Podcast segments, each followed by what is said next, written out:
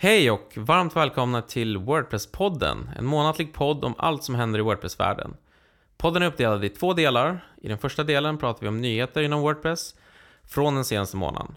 Och i den andra ett spännande ämne med en gäst från den svenska Wordpress-communityn. Vi som gör Wordpress-podden är jag, Stanislav Kromov, webbutvecklare på Aftonbladet och Erik Bernsköld, Managing Director på digitalbyrån Bernsköld Media. Denna månad pratar vi om Wordpress i skolans värld, snabbare surf på mobiler, licenskrångel med React och fler uppköp i Wordpress-världen. Häng med!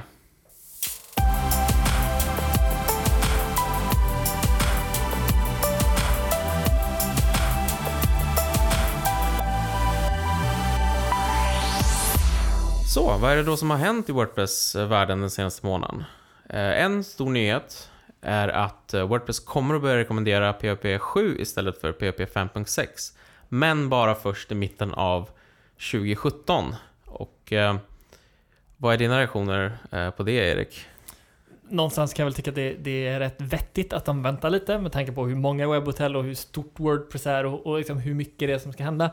Det är ändå en del breaking changes i PHP 7 och det är rätt mycket kod som körs i tillägg och teman och, och, och Wordpress Core som behöver testas och uppdateras och se till att när den här flytten väl sker så funkar det. Men faktum är att Wordpress, i alla fall kärnan, funkar väldigt bra med PHP 7 idag. Alldeles utmärkt Jag menar- och de flesta tillägg också eh, Ja. som vi kör hos kunder. Jag menar, jag kör um, det mesta, när man kör hobbyprojekt och sådär, så kör jag alltid PHP 7 och Samma här även i produktion. inte stött på några som helst eh, problem med det. Nej, tack, snarare tvärtom. Det är, laddtiderna sjunker ju dramatiskt så fort man, så fort man kör på PP7 faktiskt. Men jag tror det här är ett, lite, ett, ett större problem, tror jag, för att, att säga att eh, man, man, att, att vänta med den här, med den här rekommendationen, eh, det gör ju att, att webbhotell eh, kommer att liksom, eh, ja, de kommer att vänta, tror jag, med att, med att uppdatera. Alltså jag tycker, jag, jag tycker nödvändigtvis inte det är ett jätteproblem. Ehm, för 5.6 och 7, det är, det är ändå ett rätt stort hopp. Det är inte en, som en liten version. Så att det, det krävs, alltså för ett webbhotell som har så många olika typer av sajter att de ska liksom sätta sin default på PP7 och inte drunkna i support requests. Det är ändå ett steg. Um, Däremot låter ju faktiskt de flesta webbhotell dig välja POP-version idag och låter dig välja POP7 om du vill.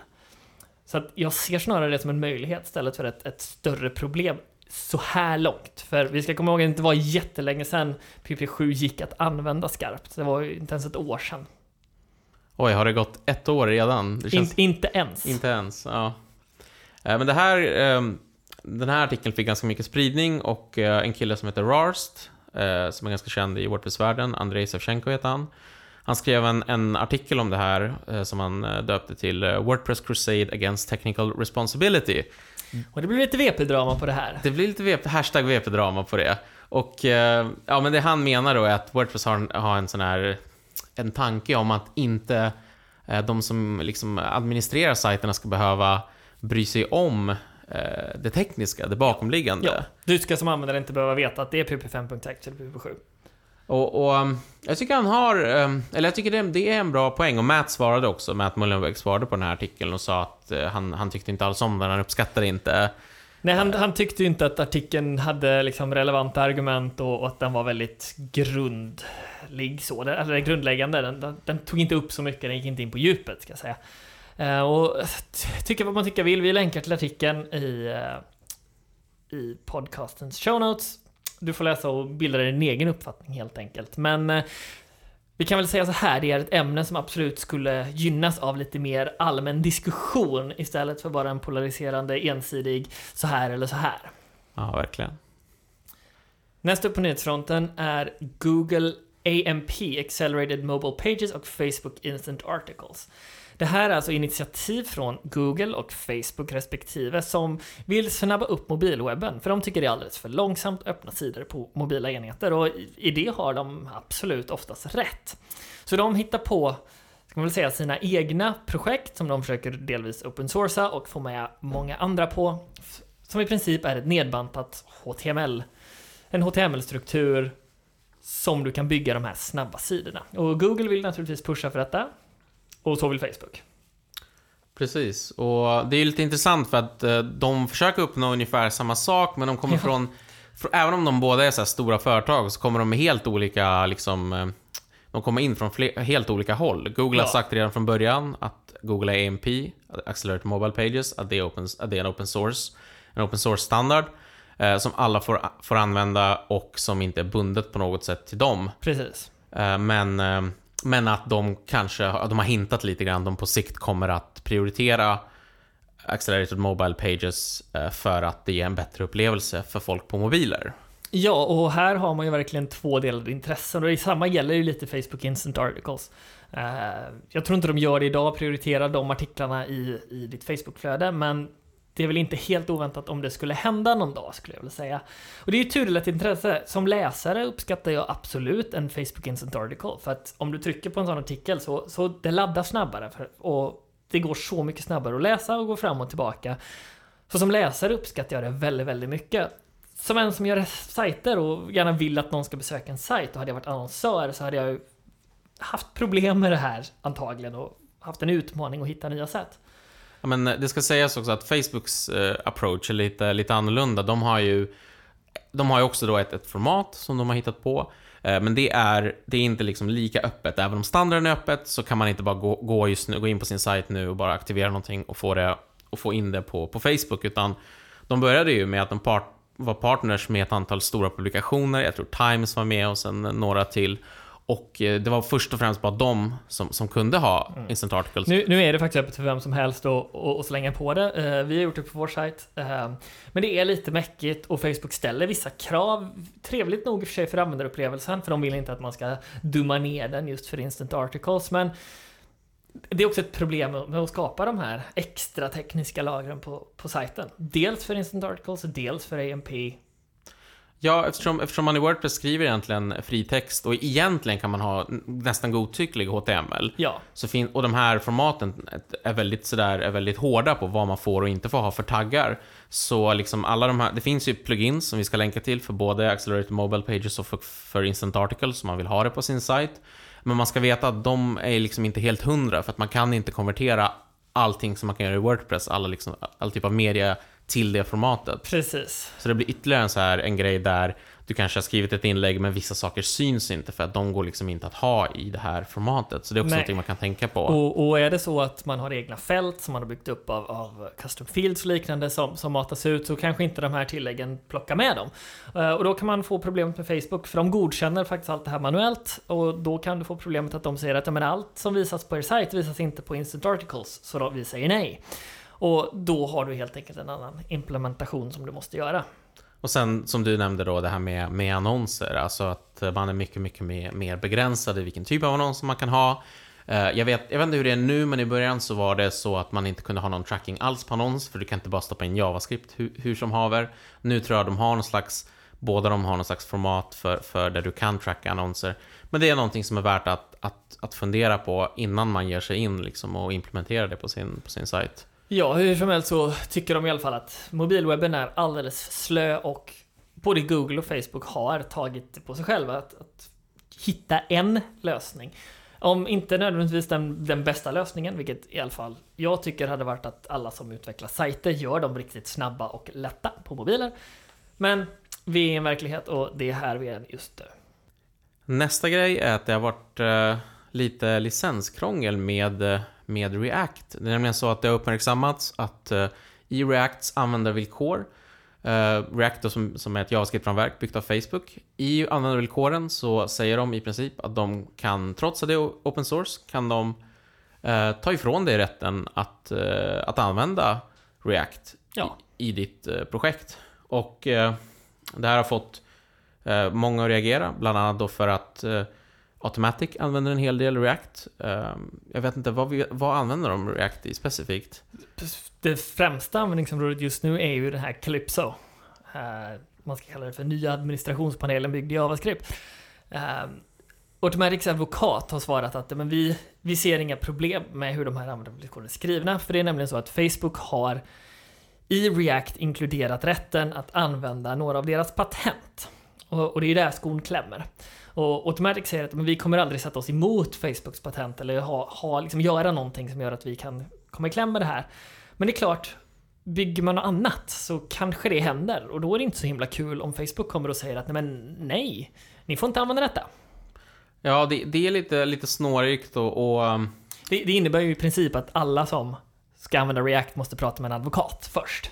ja, eh, riktigt så digert tror jag inte att det är, utan jag tror man får lita på att, att, de inte, att Facebook inte skulle utsätta sig för den, för den badwill som det, som det faktiskt innebär. Jag vet att eh, vi på Aftonbladet, vi använder React till en he- hel del grejer eh, och eh, det är någonting vi kommer att fortsätta med och det är ingenting... Du, du känner inte superduper nervös över att Facebook ska komma och säga men nej, nej, nu får ni sluta med det här.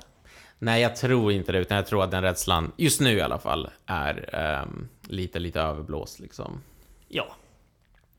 Och nästa nyhet, det är snarare en fråga om Wordpress-uppdateringarna håller på att bli allt mer tråkiga. Om det här är något bra eller något dåligt.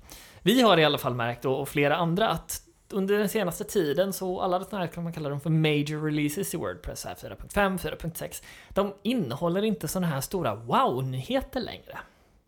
Nej, vi pratade ju om nyheterna i 4.6 eh, förra gången och, förut, och förutom lite, lite utvecklargrejer så det enda jag minns där shiny updates. Ja, och det är ju ingen sån där riktig wow-faktor heller på den. Nej, och eh, jag, jag, det här är då en, en artikel som skrevs på VP Tavern och eh, som vi kommer förstås länka till. Och jag måste säga att jag, jag håller med den artikeln för att jag, jag tycker verkligen att det är så att det har blivit det har stagnerat lite när det kommer till nya features. Det ska inte sägas att, att, att eh, man inte jobbar på nya saker hela tiden, utan saker men, men det känns som att saker mer poleras nu än, än att det släpps en massa nya spännande funktioner, utan man förlitar sig på plugin-ekosystemet Ja, för funktionerna. Och någonstans är det ju som utvecklare trevligt att det inte är massa breaking changes hela tiden. Och de, de lovade ju lite rätta när de gick över till en, en release-cykel som var mer ofta och mindre wow. Vilket de i princip utlovade.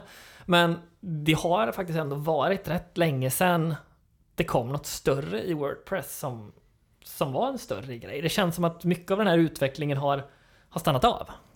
Ja, och jag vet inte om, om eh, man kan skylla det, eller skylla och skylla, men man kan, man kan peka på att det är det här tänket kring eh, feature as a plugin som har spelat in i det. Det är Mm. då ett, en, ett, en, ett mantra kan man säga som de införde. De säger att vi vill inte, när ni bygger några, några nya features till Wordpress så vill vi inte att ni liksom eh, bygger in det i kärnan och submittar en patch, utan vi vill att ni bygger det som ett plugin istället. Så att om det då mot, om det då inte skulle godkännas och inte skulle komma in i Core så kan man i alla fall ändå använda det. Och det finns ett antal sådana projekt. Det går faktiskt att gå in på, Och, och de är rätt utmärkta allihop. det går att gå in på plugins.wordpress.org och, och det finns en liten tab där tror jag som, som heter Beta där man kan titta på, på några sådana här feature as a plugins. Men tittar man på liksom det, det track record som finns så är det inte särskilt många av dem som har hamnat i kärnan och Nej, inte än. Eh, Och många av dem, eh, utvecklingen på många av dem har stagnerat och det är lite synd. Vilket är jättetråkigt för att själv i alla fall när de här features och plugin kom så tyckte jag det var en jättehärlig approach. För det innebär att man kan delegera mer av så att säga core-utveckling eller liknande till, till utvecklare som har ett lättare jobb i och med att de behöver underhålla en, en plugin under ett tag. Man kan jobba på det sakta men säkert tills det är redo. Eh, uh, JSON API kan man ju kalla liksom, den största paradskeppet där eh, för features och plugin.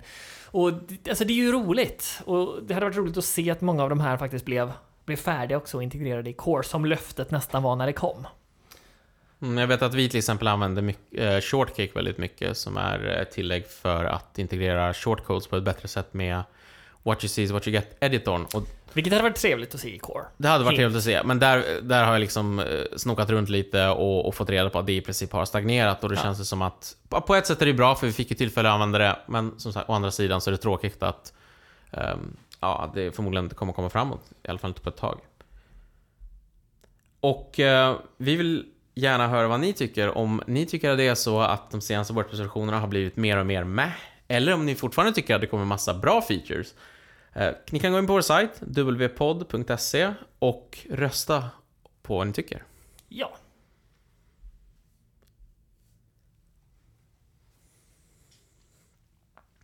Eh, Nästa nyhet är eh, någonting som kom bara, bara häromdagen, att eh, GoDaddy köper upp Manage VP.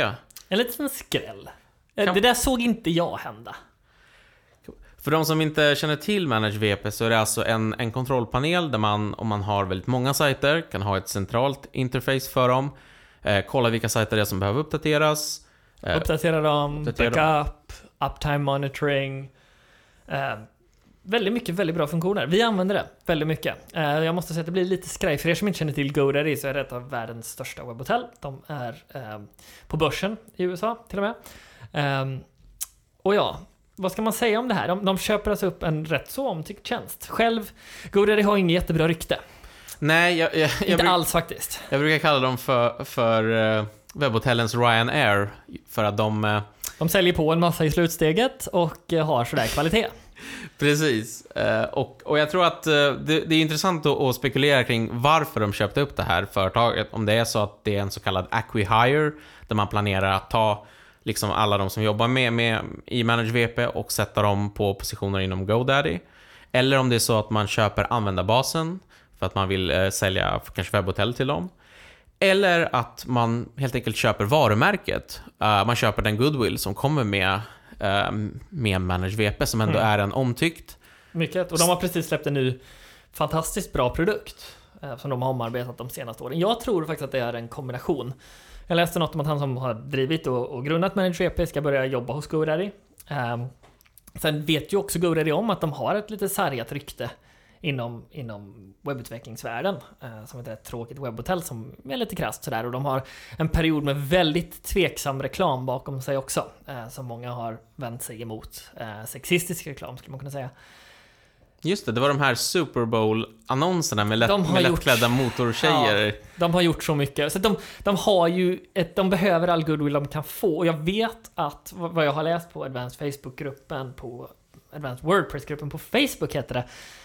Så, så finns det väldigt mycket bra folk som jobbar på Wordpress-avdelningen på GoDaddy. Och jag vet, jag har haft, tyvärr haft kunder som har lagt sina sajter hos GoDaddy på deras special Wordpress-lösning. Och de har ju använt Manage VP till del. Så därför tror jag att det, det är ett sätt att få in den och slippa betala för det på ett sätt. Eh, ett sätt att få till sig kunskap och ett sätt att faktiskt försöka förbättra sitt rykte som några som bryr sig om Wordpress-communityn.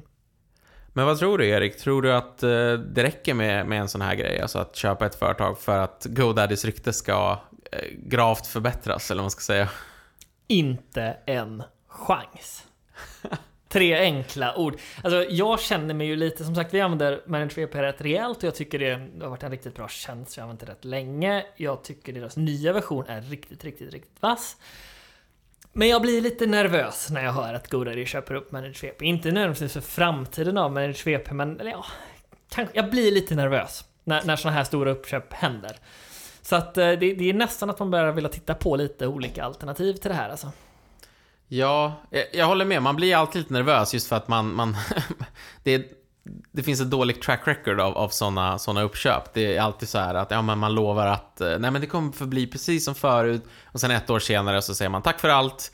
Nu lägger vi ner för att fokusera på någonting inom det här större uppköpta företaget. Alltså jag ser ju mer risken att, att GoDaddy tänker svälja upp Manage VP till att vara någon slags GoDaddy-tjänst som bäst funkar hos dem. Det, det är väl kanske där jag ser den största risken än att det här läggs ner totalt, för det känns som att de har köpt upp det precis nu när de har utvecklat sin nya Alltså det känns tajmat även i det avseendet. Eh, så kanske inte så nervöst att de bara ska lägga ner det, men att det är någonting som inte längre funkar för oss, absolut. Så jag kan väl ärligt säga att vi börjar titta på alternativ eh, för att se Finns det något som man kan gå över till nu, eller i värsta fall om det här händer? Så att man inte bara står där.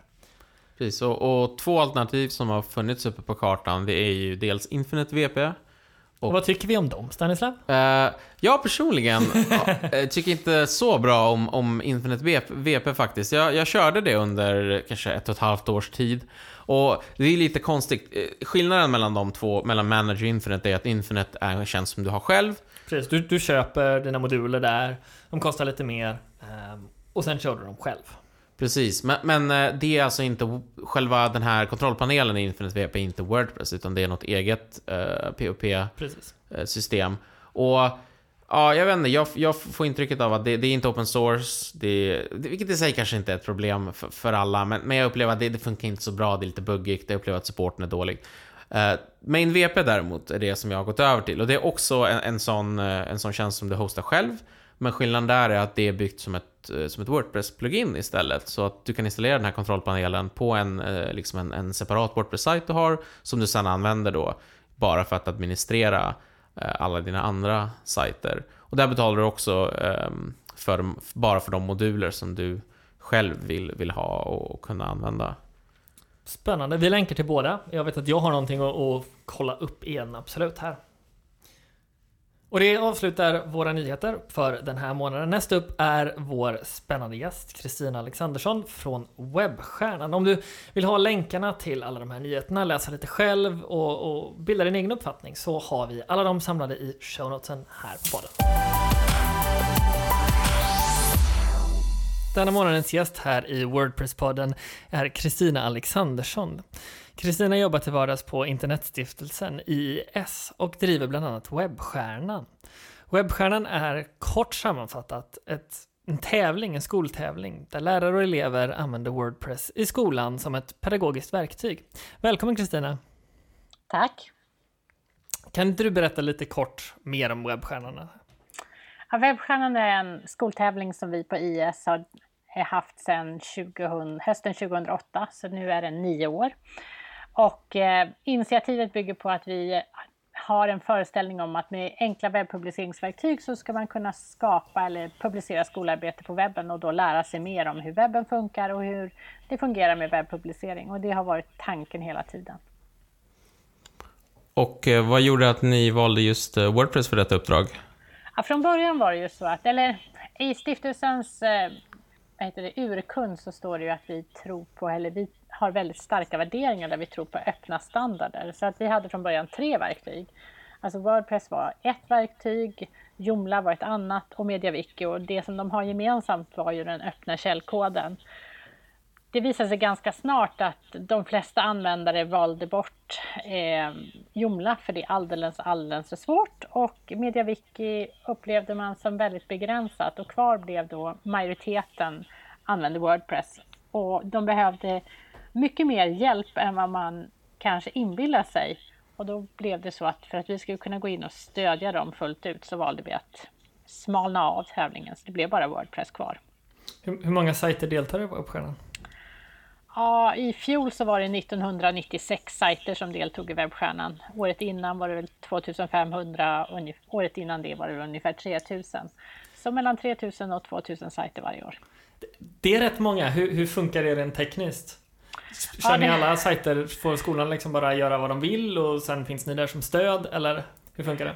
Alltså, rent tekniskt har vi gått också från då att vi hade individuella webbhotell på stan där vi de ville ha hjälp och då fick de lämna ifrån sig inloggning och så fick vi gå in och hjälpa till till att idag har vi en multi-use-sajt där vi själva administrerar själva Wordpress-delen och är ansvariga för den. Och det är bara för att det är mycket, mycket lättare för oss att kunna ge stöd och kunna säkerställa att det är någon sån här, eller att standarden är säker helt enkelt. För våra användare visar sig ganska snart vara väldigt omedvetna om säkerhet och säkerhetsluckor eller att man måste uppdatera Wordpress till den senaste versionen för att man inte ska få spambotar. Och, ja, alltså de Wordpress-sajter som jag har varit inne på som har 2000 eller som får 2000 spam-mail i, i halvtimmen är inte ett utan det är massor. Så att, liksom, det, det, fanns väldigt, eller finns väldigt lite sån kunskap och det gjorde att vi då valde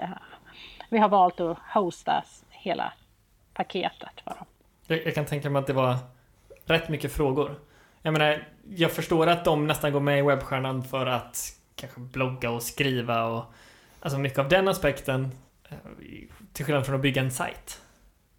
Ja, alltså, på, alltså fokus i webbstjärnan är ju egentligen inte webbygget utan man Nej. tänker sig att det kommer på paketet. Utan fokus är ju att de ska göra skolarbete. Men du kan inte göra skolarbete i ett webbverktyg utan att förstå något sånär hur det fungerar. En del kan faktiskt det utan att kunna någonting. Mm. De tar ganska mycket hjälp av oss. Men majoriteten måste ändå lära sig lite grann om hur det fungerar att administrera en sån här sida också. Och när vi gick över från att vi hade haft individuella Wordpress-installationer till att vi gick till en multi-use-sajt så var det ju många användare som var vana, alltså ganska duktiga användare i Wordpress som var så här, men vad har ni gjort nu? Ni har ju tagit bort alla våra möjligheter att installera plugins och göra som vi vill. Och vi bara, ja, det har vi. Men ni gjorde ju, ni gjorde säkert bra, men många andra hade problem med ja. den valfriheten. Ja, det låter ju helt omöjligt att supporta något sånt med så många sajter. Så det är helt rätt, tycker jag, att, att låsa ner det lite. Ja, speciellt på alla dessa webbhotell. Hade det liksom rört sig om en hyfsat standardiserad miljö och så, så en sak, men det måste varit helt ohållbart. Ja, det, det blev, alltså supporten, den var ju väldigt uppskattad kan jag säga och den är fortfarande, den är extremt uppskattad våran support. Men den, den hade ju fullt upp med att liksom bara försöka reda ut var, hur är lösenordet här och vad är det för något du har gjort och vilka mm. plugins är det du har installerat och varför blev det så här och sådär. Och sen fanns det många som startade en webbplats och så gjorde de ingenting utan de här webbplatserna stod ju egentligen bara och drog in botar. Så att jag menar, det, ja, det var inte så. Det blev inte så positivt. De som gjorde saker förstod inte allt vad de gjorde och andra som inte gjorde någonting, de hade tomma sajter som bara blev spam, eh, liksom spambotar eller spampaket. Men vad, vad har varit svårast för, säg vad har varit svårast för lärarna att, att förstå i Wordpress?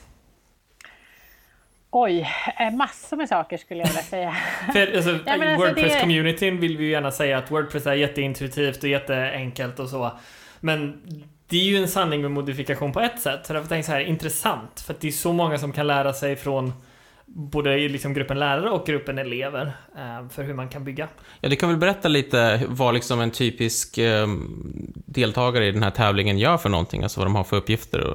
Ja, alltså den typiska deltagaren använder ju sin Wordpress-sajt för att göra en klassisk klassblogg kan man säga, där man berättar om den här skolvardagen, vad man gör i olika ämnen.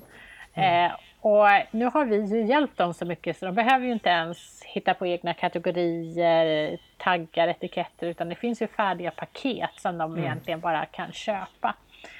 Eh, men det, man, det vanligaste är att man gör någon form av blogg som beskriver skolvardagen. Mm. Alternativt att man gör en enkel webbplats där man försöker beskriva vad skolan gör eller att man gör någon form av tidning där man presenterar skolnyheter. Eh, och användarna har, alltså de har lika svårt att förstå. Idag är ju Wordpress så mycket enklare än vad den var bara för några år sedan. Men bara det här att lära sig nytt i förhållande till hur man bäddar in Youtube-klipp kan vara otroligt komplicerat för våra användare. Faktiskt. Det, det är som jag berättade för en, en kund bara häromdagen som ville bädda in ett Youtube-klipp, hade lyckats lägga in en länk. Och, och, och, kände sig väldigt, väldigt dum när jag berättade hur man gjorde. Jag var tvungen att svara att det, det är en extremt ologisk funktion och ett extremt ologiskt sätt. Men det är väldigt bra att det finns där. Mm. Och eh, vad, vad, har ni för eh, kriterier och sådär i den här tävlingen? Liksom hur, hur vinner man webbstjärnan? Ja, man vinner på mer traditionellt skolarbete än webbfunktioner kan man säga. Men för att man ska gå riktigt, riktigt långt så måste man också förstå webb. Man måste kunna få en oinbjuden användare att förstå vad det är för någonting de har gjort. Och det är ju det svåraste utav alltihopa. Att förstå funktioner eller kunna tänka ut funktioner, för det kan alla de här användarna göra. Men att få någon att förstå hur de tänkte när jag ska besöka mm. den här sidan och hitta det som de har tänkt sig, eller vad, vad det är för något de vill presentera, det är extremt svårt skulle jag vilja säga. Hur, hur går det, tycker du som har sett väldigt många av de här sajterna, för, för eleverna där? För det det är ju något som jag upplever är svårt för alla som jobbar med webb. Du kommer till ett företag eller till liksom, vad det än är för typ av, av organisation som behöver en sajt. Så är det just det här att organisera upp det som är det svåraste. Och förmedla ett budskap. Ja. Och här i skolan, här i skolan, de är väldigt oförberedda på det dessutom, för de tycker många gånger, eller att det är så självklart. Så de behöver knappt förklara för barnen vad budskapet är. Nej. Och då är det ännu svårare när man försöker få ut det på webben. Att man, man, man, har, man har aldrig behövt förklara för dem varför man finns, för det är bara självklart. Mm. Och det tycker jag är en av de största lärdomarna som jag tror att de här riktigt framgångsrika bidragen har, det är att de på något sätt lyckas hitta sätt att förklara, det här gör vi i skolan, eller så här kan man använda webben för att samarbeta de mest framgångsrika bidragen är de som lyckas med att berätta vad de vill göra och sen använda webben som ett verktyg för att samarbeta eller visa upp eller för att skapa mer traditionellt skolarbete. Och det kan vara ett samarbete som sker i, i klassrummet men det kan också ske utanför klassrummet. Vi är ju väldigt inte liksom stimulera, försöker stimulera så mycket samarbete som möjligt där man använder webben som en kanal för kommunikation också. Och, uh, finns det några exempel på sådana här sajter som, som du fortfarande minns eller som har gjort intryck på dig där eleverna verkligen har, har lyckats med det här? Ja, vi har ju haft några fantastiska Webbplatser eller slöjdbloggar. En hette, ja, de kanske finns kvar fortfarande, Slöjdstafetten, där de gjorde egna små pinnar som de liksom levererade till någon annan och så fick de bidra med innehåll ifrån det. Väldigt enkel idé, men det funkade både visuellt och liksom med hjälp av verktyget. Enkla medel. Vi hade en annan fantastisk sajt där de samarbetade och lät eleverna recensera olika pedagogiska appar som de använde och då hade de ett samarbete mellan flera lärare. Det började faktiskt i ett annat socialt medium, nämligen på Twitter, att man började liksom, ja ah, men vi ska göra det här, är ni intresserade av det här? Sen har vi haft många sådana här försök, sen man försökt crowdsourca geografin genom att samarbeta med lärare runt om i Sverige. Men det är ganska svårt, för det är liksom mm. svårt att få andra att förstå eller liksom kunna lägga till rätt pusselbitar. Så det, är, det är komplicerat. När, när du liksom beskriver det här och liksom allt de tänker på, vissa som är mer avancerade och andra. Det, har ju, det pratas ju rätt mycket i debatten om det här med programmering i skolan. Mm.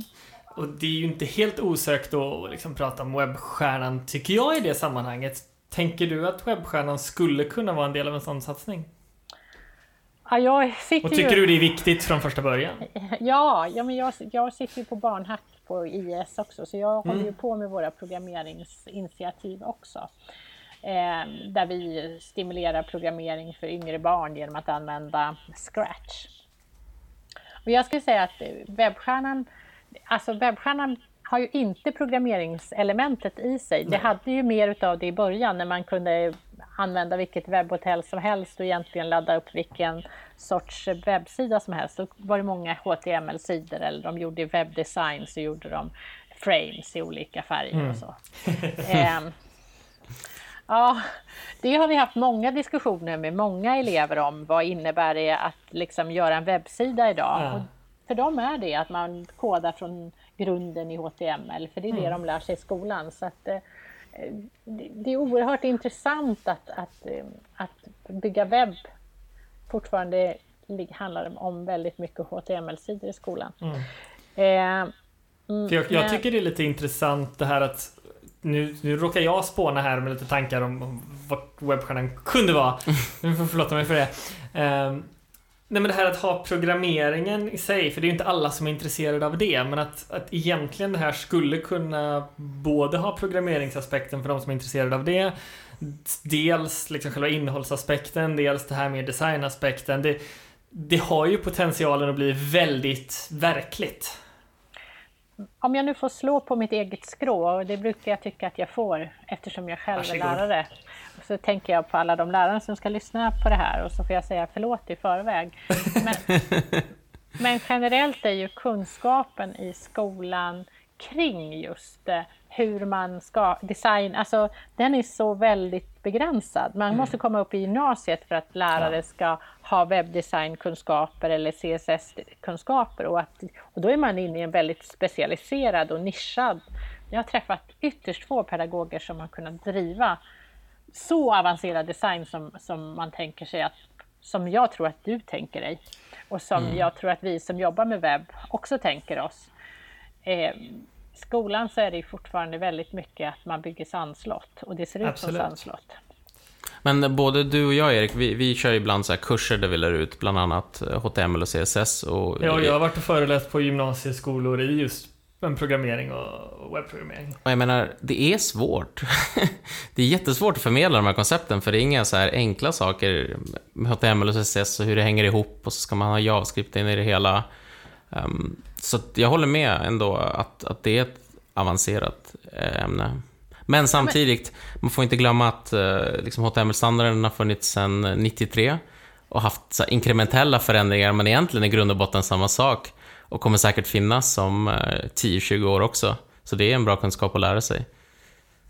Ja, men jag, alltså jag är helt, alltså programmering måste, min tanke är, liksom, jag är har gått så långt så att jag tycker inte att det bara är programmering. Jag tycker att IT som ämne behövs lyftas in i skolan. Det vill säga, vi måste prata om ett vidare begrepp än bara kod som sådant. Självklart måste vi alla ha förståelse för hur den här tekniken fungerar och hur den styrs. Sen kanske inte alla behöver kunna programmera i slutändan, men vi måste ändå ha grundläggande förståelse för hur strukturen skapas. Mm. Innan, vi börjar faktiskt närma oss slutet av dagens, men du ska få en sista fråga. Men innan det så har jag en liten fråga som jag noterat ner som jag är väldigt spänd på. Den är lite mer så här Wordpress-teknisk igen. Nu kör ni ju en sån här stor multisite. Hur, hur har det fungerat med en sån extremt stor mängd användare? Jag tänker det har varje elev användare också? Det, är lärarna, det är så här, lärarna kan skapa, det är bara lärare som kan skapa webbplatser och sen mm. måste lärarna lägga till sina elever. Och mm. det där är ju en trixig fråga skulle jag vilja säga, som jag inte om man kommer ut i verkligheten och så ska man lägga till 30 elever genom att skapa användarnamn och de ska in i sin e-post och få ett olösligt yep. lösenord. Så är, då är du genast, har du skapat ett väldigt högt hinder för att ja. du ska ta in elever i den här sajten. Yep. Många löser det genom att ha ett inlogg för ja. alla elever. Och så får de logga in på det och så skriver de och så får de tagga det med sitt namn. Mm. Det är ofta den vanliga lösningen. Mm. Det är ju helt förståeligt såklart. Jag tycker mest det är spännande för att en av de sakerna som ibland är lite svåra med en multisite tycker jag är just hur man hanterar så sån extrem mängd användare som det skulle kunna bli. Ja, men alltså, det finns massor med problem med användare. ja, men alltså, användarna är ju också vår sä största säkerhetslucka. Om inte de har säkra lösenord, hur mm. kan vi säkerställa det? Hur kan vi få dem att få en sån grundläggande kunskap så att de förstår att de måste ha en viss säkerhet på sina lösenord? Eh, hur, vet vi att, hur kan vi säkerställa att det de publicerar får de publicera? Eh, förstår de vad de gör eller så att de faktiskt öppnar för att hela sajten ska... Alltså det finns... Användarna är ju det stora problemet vi har. Om vi inte hade några användare så hade vi inte haft några problem alls. Å andra sidan, då hade det inte funnits. ja, man får inte glömma användarna för det är ändå en central del. Liksom. Om, som du sa det här med att uh, ha ett konto för för hela klassen till exempel. Det är någonting man inte brukar rekommendera ur säkerhetsväg, men någonstans så finns det en pragmatisk anledning som man inte får glömma. Det är ändå bara människor som man ja, håller på med. Ja, men och sen så måste man också förstå lärarens situation. Du står där med 30 elever och 30 e-postkonton ska upp och de ska mm. försöka komma ihåg den här ganska oläsliga eh, lösenordet som genereras. Det, vi rekommenderar att de har egna inlogg, ja. Mm. Men jag förstår att man inte har det också. Eller, vad skulle du, sista frågan och blir också den svåraste frågan till dig. Om det är en sak som du liksom har lärt dig och sett här av, av liksom webbstjärnan där elever och lärare använder Wordpress. Vad skulle du säga att liksom, Wordpress-branschen kan ta med sig till andra projekt som kanske hör ner till företag och organisationer? Oj. Eh, jag tror att man ska jobba precis det som vi pratar om. Jag tror man ska jobba jättenära den som ska använda. Mm. Man måste hela tiden ha användarens, användaren i fokus och helst inte tro att man vet hur de kommer att göra utan faktiskt besöka dem och se hur det går till. För det är då man inser hur otroligt hopplöst det kan vara. Tycker jag är alldeles utmärkt tips. Fantastiskt råd. Tack så mycket för att du har tagit dig tid och vara med här på Wordpress-podden. Jätteroligt att ha dig här. Eh, berätta gärna var, var folk kan hitta dig på internet. Ja, man kan hitta mig eh, på alla möjliga sajter. Enklast är kanske på eh, jag heter kristinaalexandersson.se så att man kan googla det så hittar man min blogg. Vill man titta på bilder så hittar man mig på Flickr. Sen finns jag, jag har massor med bloggar, massor med Wordpress-sajter. Du, du, är verkligen på internet? Ja, jag är, det är inte så svårt att hitta mig. Då så. Men gå och googla Kristina och kolla in webbstjärnan och så tackar vi dig för att du var med idag.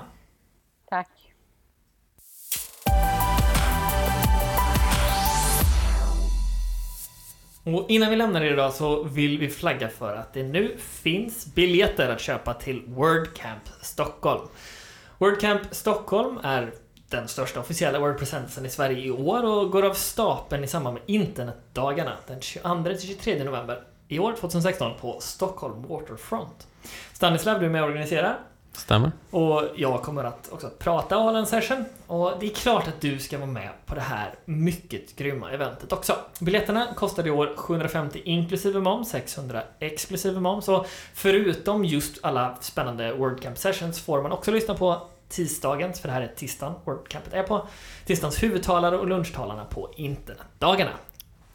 Mycket bra värde tycker jag i de pengarna faktiskt. Biljetterna hittar du på den fina länken 2016.stockholm.wordcamp.org eller genom att helt enkelt gå till våra show notes där du hittar länken igen. Och det här var allt för denna månadens avsnitt av Wordpress-podden. Stanislav, berätta mer var folk kan hitta dig. Eh, Ja, jag går, går att hitta på, på Twitter, på Facebook, i Wordpress-utvecklingsgruppen bland annat. Och du Erik? Mig hittar man på Twitter, på Facebook, överallt som, som man vill. Genom att söka på Erik Bernskiöld. Jag bloggar också hos oss i vår akademi på bernskjoldmedia.com. Tack för att ni har lyssnat den här månaden också. Som vanligt igen hittar du alla länkar på vår webbplats vpodd.se wpodd.se och glöm inte att gå in och gilla oss på Facebook också. Vi är tillbaka igen nästa månad. Till dess, ha det bra.